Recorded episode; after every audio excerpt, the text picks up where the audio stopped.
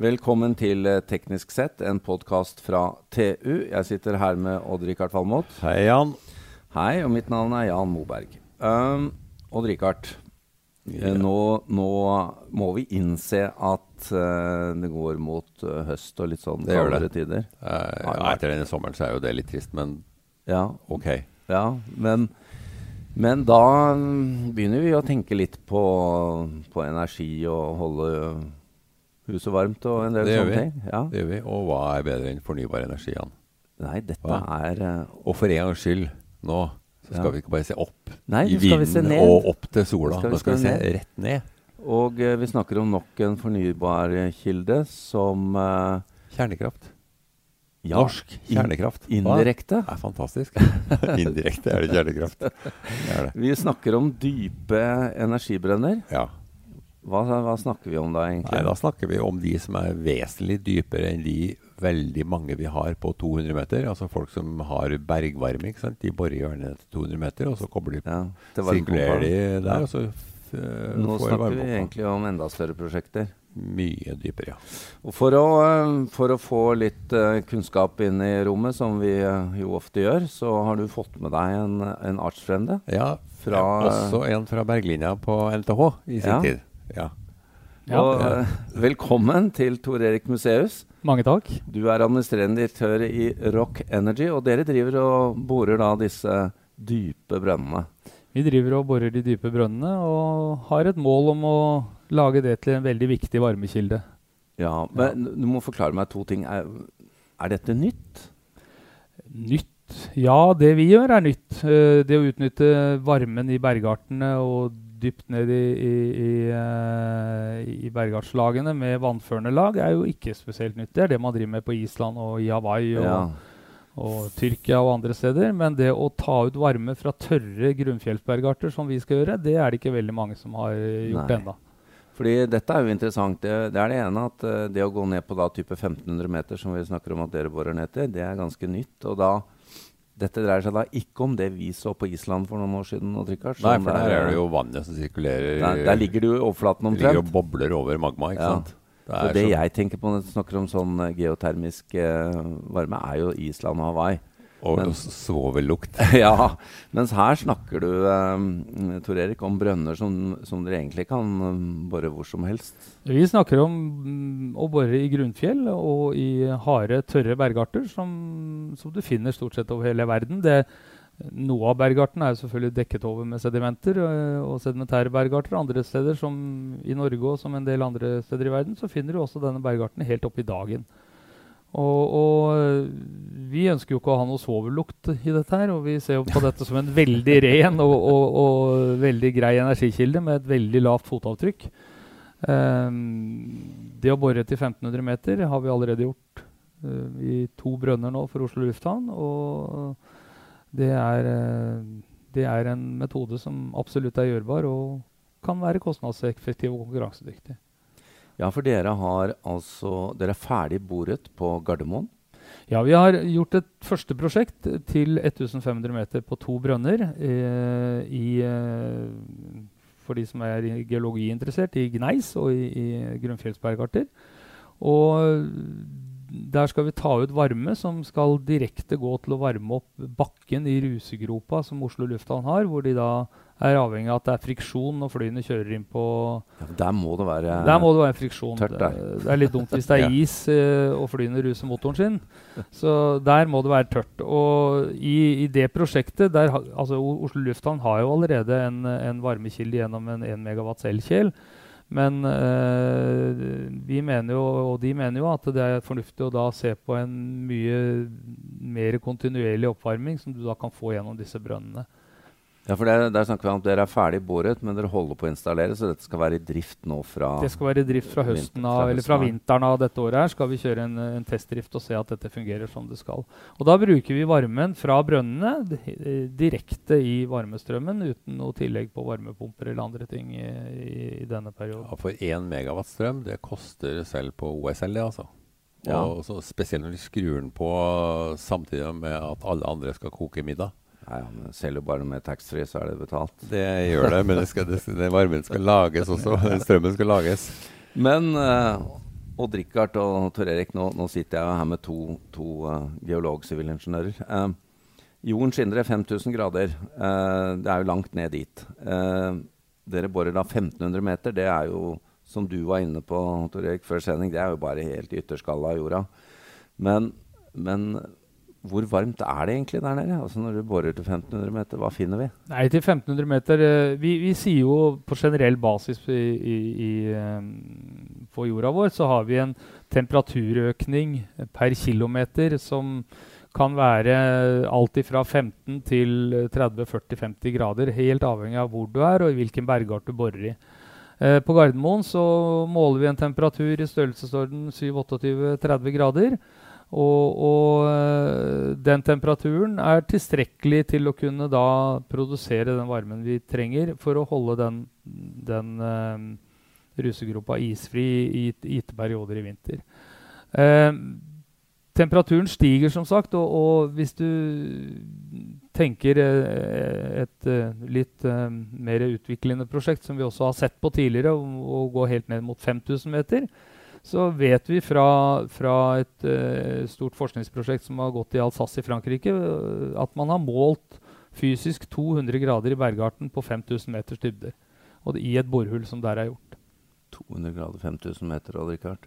Ja, det varierer jo fra sted til sted. Jeg vet ikke om det er 200 meter, om det er så varmt her, men uh Nei, i Norge er det litt lavere gradient, for vi ligger i et geologisk provins hvor det er uh, noe kaldere bergarter. Ja. Men, men det, det, varierer som sagt avhengig av hvor du er i verden. Og i, i Norge så snakker vi vel om kanskje om en 20-25 grader som en sånn snittemperatur øh, hvor, vi, hvor vi enn befinner oss. Men Altså per 1000 meter? Per 1000 meter, ja. ja. Men i Norge så har vi også veldig få data. Vi har en del data på boring ned til 800 eh, meter. er det gjort en del forsøkshull. Mm. Uh, våre to brønner på Gardermoen er de desidert dypeste energibrønnene som er gjort i, i Norge. Eh, også i Skandinavia. Det bores riktignok nå i, i Finland et veldig stort og fryktelig dyrt prosjekt uh, for, uh, i, i, utenfor Helsinki, hvor man skal ned på 7000 meter. Og, men der skal man bruke varmen på en helt annen måte enn det vi gjør her. Der, der snakket du om at til og med snakk om type fracking? Der er det også snakk om å sprekke opp, fordi våre to brønner som de skal da mellom sprekke opp og få vann til å strømme fra en brønn til en annen, men de skal bare produsere varme. Så det er, det er, et spennende prosjekt, det også, men eh, til en kostnad som er eh, veldig veldig mange ganger høyere enn det vi holder på med. da. Det er jo viktig å legge til her da, Richard, at, at det, det Tor Erik holder på med her med Rock Energy, det er jo da ikke eh, disse brønnene til privathusstander når du skal koble på varmepumpa di. Nei, det er klart at hvis du, For der er jo typisk temperaturen to til fire grader. ikke sant? Men du fikk litt lyst på en sånn 1500 meters brønn? Ja, det hadde vært fint å få. Du kan få sette opp en i havnen min. Du kommer og setter opp i, men da tror jeg Jeg så det på deg, ja. ja. du ville gjerne ha det. Tror det blir litt dyrt. Men uh, her snakker vi jo da om rusegrop på Gardermoen. Uh, andre prosjekter kan være større boligkomplekser eller offentlige bygg? Være, det kan være boligprosjekter, det kan være offentlige bygg, det kan være det kan være fotballbaner som har behov for å holde en undervarme kontinuerlig gjennom uh, hele vinteren, uh, som det er dels krav til for uh, toppligaene i Norge. det kan være flyplasser til bakkeoppstilling f.eks., hvor mm. man har behov for undervarme.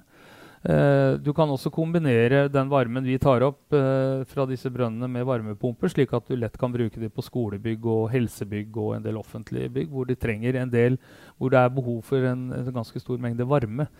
Uh, du snakker tappevann, mm. oppvarming av boliger osv. Altså potensialet for å redusere strømforbruk og også andre oppvarmingsmetoder, olje, er jo formidabelt her, da.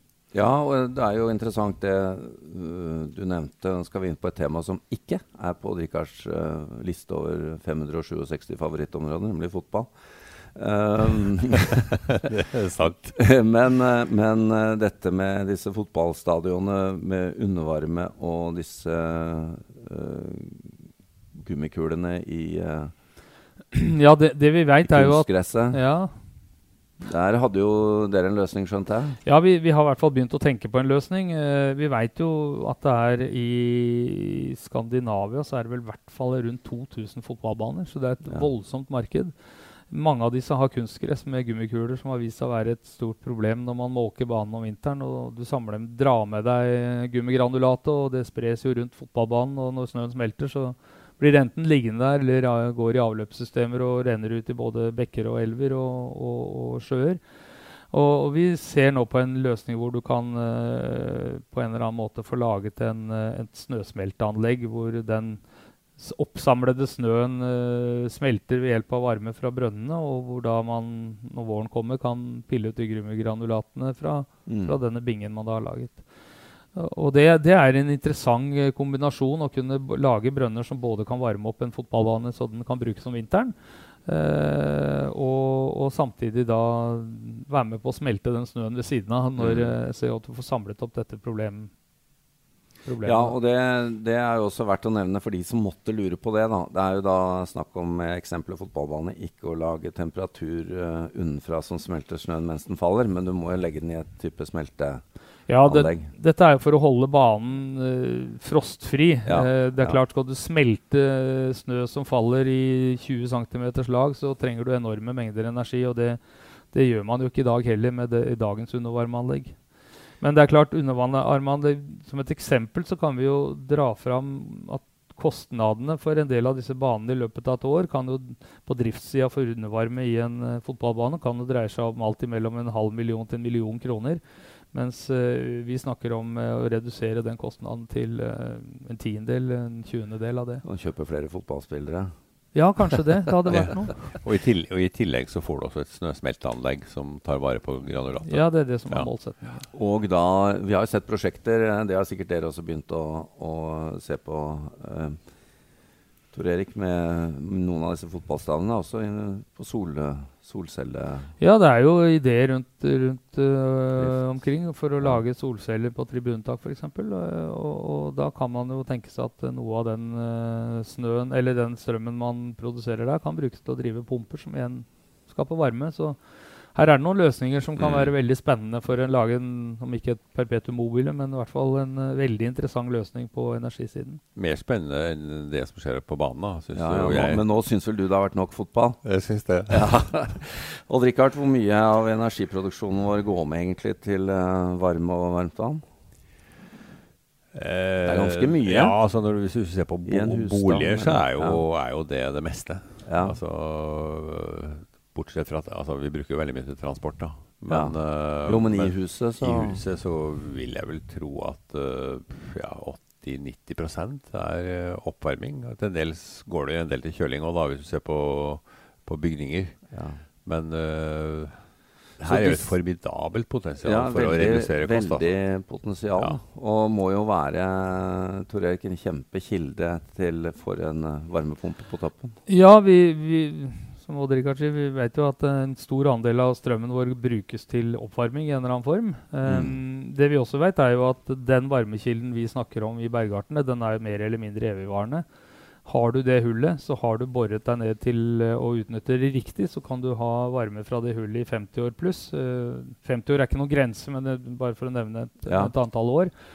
Og, lang avskrivningsperiode? Ja, lang avskrivningsperiode. Og, mer eller mindre en kontinuerlig forurensningsfri uh, kilde til energi. Som er helt uavhengig av om det blåser eller om sola skinner. Uh, og det å kunne kombinere fornybare teknologier er jo fantastisk flott, men vi har altså en, en, en kilde til varme som, som, ja, som er, er lokal, og som gjør at du er helt uavhengig av mm. andre mm. rundt deg, egentlig. Det, det, er jo viktig at vi finner sånne fornybare kilder som er sånn baseload uh, grunnlast mm. som ikke er avhengig av uh, vind og sol. Absolutt. Og der, til dels er jo vannkrafta der, men, men, ikke i samme grad som dette. Nei, vi, er, altså, vi, har, jo ikke et, vi har ikke et smelteproblem eller et, et regnproblem. Vi har varmen er der. Og, den, mm. og det er bare å finne den kostnadseffektive måten å utnytte den på. Det er vi på god vei til å gjøre nå. Ja, jeg er fascinert. Jeg ville jo også trodd, uh, egentlig naiv som jeg er, at dette her hadde Eller var, var kommet lenger. Men jeg skjønner jo at det, det er dybden her som er, uh, som er unik. Å gå ned og, og industrialisere det. Eh, diameteren på et hull på 1500 meter? Denne gangen så bora vi det første hullet til 6,5 tonn, men vi skal gå opp i diameter, for da får du ut mer energi av hullet enn det du vil gjøre ja. ved å ha mindre hull. For det er altså så. en fòring hvor du pumper da ned og, og får uh, varmet opp uh, den, Er det vann? Ja, vi har, vi har, et lukket system, et hull, som, ja. uh, i, til 1500 meter, som i teorien skal være tett. Og i det putter vi ned et, et, et rør, ja. et isolert rør, hvor, hvor, vi da sirkulerer kaldt vann på utsiden av det røret, altså mellom bergveggen og ytterkant av det røret. Ja. Det går ned i brønnen, varmes opp av bergarten og pumpes opp oppvarmet i senteret av det røret og fordeles da til kundens bruk uh, på overflaten. Og vi tror jo dette har et voldsomt potensial internasjonalt også. Så vi, vi, har jo bra kontakter og muligheter i både Norge og ellers. Vi liker jo sånne prosjekter, og Her har ja, vi et selskap som, uh, som, tar tak i uh, en ny, egentlig en gammel teknologi, men fornyer ja. den og kjører løs. Og nå har dere fått internasjonale kontakter også? Ja, vi har, uh, vi har prosjekter på gang i Norden, og vi har ja. eh, også prosjekter på gang i Øst-Europa. Og vi har et ganske solid nettverk i Europa gjennom eh, EU og de systemene hvor vi har, er medlemmer av både innenfor fjernvarme og innenfor industriens interesseorganisasjon i Brussel. Det er ikke mange land i Europa som har bora så mye i berggrunnen som uh, i Norge. altså. Nei da, hvis du tar med aktiviteten ute på Ja, det, dette, er, dette, er, jo teknologien som kommer fra Nordsjøen. Det er jo uh, verdt å nevne da at dere har jo holdt på noen år med å utvikle dette. Det har vi. Og at det er nå det litt, uh, løsner litt med konkrete prosjekter. Og dere er et uh, dusin involverte, får vi kalle det, ja. i selskapet. Samarbeider også, det må vi ta med, Richard, med Båsum Boring, som ja. jo var nominert til Tech Award i, her hos oss i fjor høst for sin boreteknologi og ikke ja. på et helt annet område. For, jo, for oss har de vært en veldig nær og god samarbeidspartner mm. knytta til gjennomføringen av hullene på Gardermoen. Så det er veldig viktig å nevne. Veldig bra. Vi får uh, gå inn for landing. Og Rikard, jeg ser at du har lyst på et sånt hull. Jo. Ja, definitivt. Gneis på Gardermoen, hva finner vi der hvor du skal i hagen din? Det er nok mer alunskifer, dessverre. Ja, det men, det, men det, det, kan bli ganske varmt i der. Altså. Det, ja. kan det, det, kan det bli. Det, kan det. Ja. det er mye, mye radioaktivitet. Mye radon, Jan. Ja, men jeg kjøper meg eh, popkorn og en øl og sitter og ser på jeg når du skal bores ut i hagen din. ja, men det høres fint ut. Eh, takk til deg. Eh, Mange takk. Vi, eh, Tor Erik Museus, vi får bare ønske lykke til. Og, um, Odd Rikard, vi det. må jo opp i rusegropa der og se om dette virker. Ja, og jeg tror vi kommer tilbake til dype hull i spaltene fremover, igjen. Det ser vi frem til. Takk. Mange takk.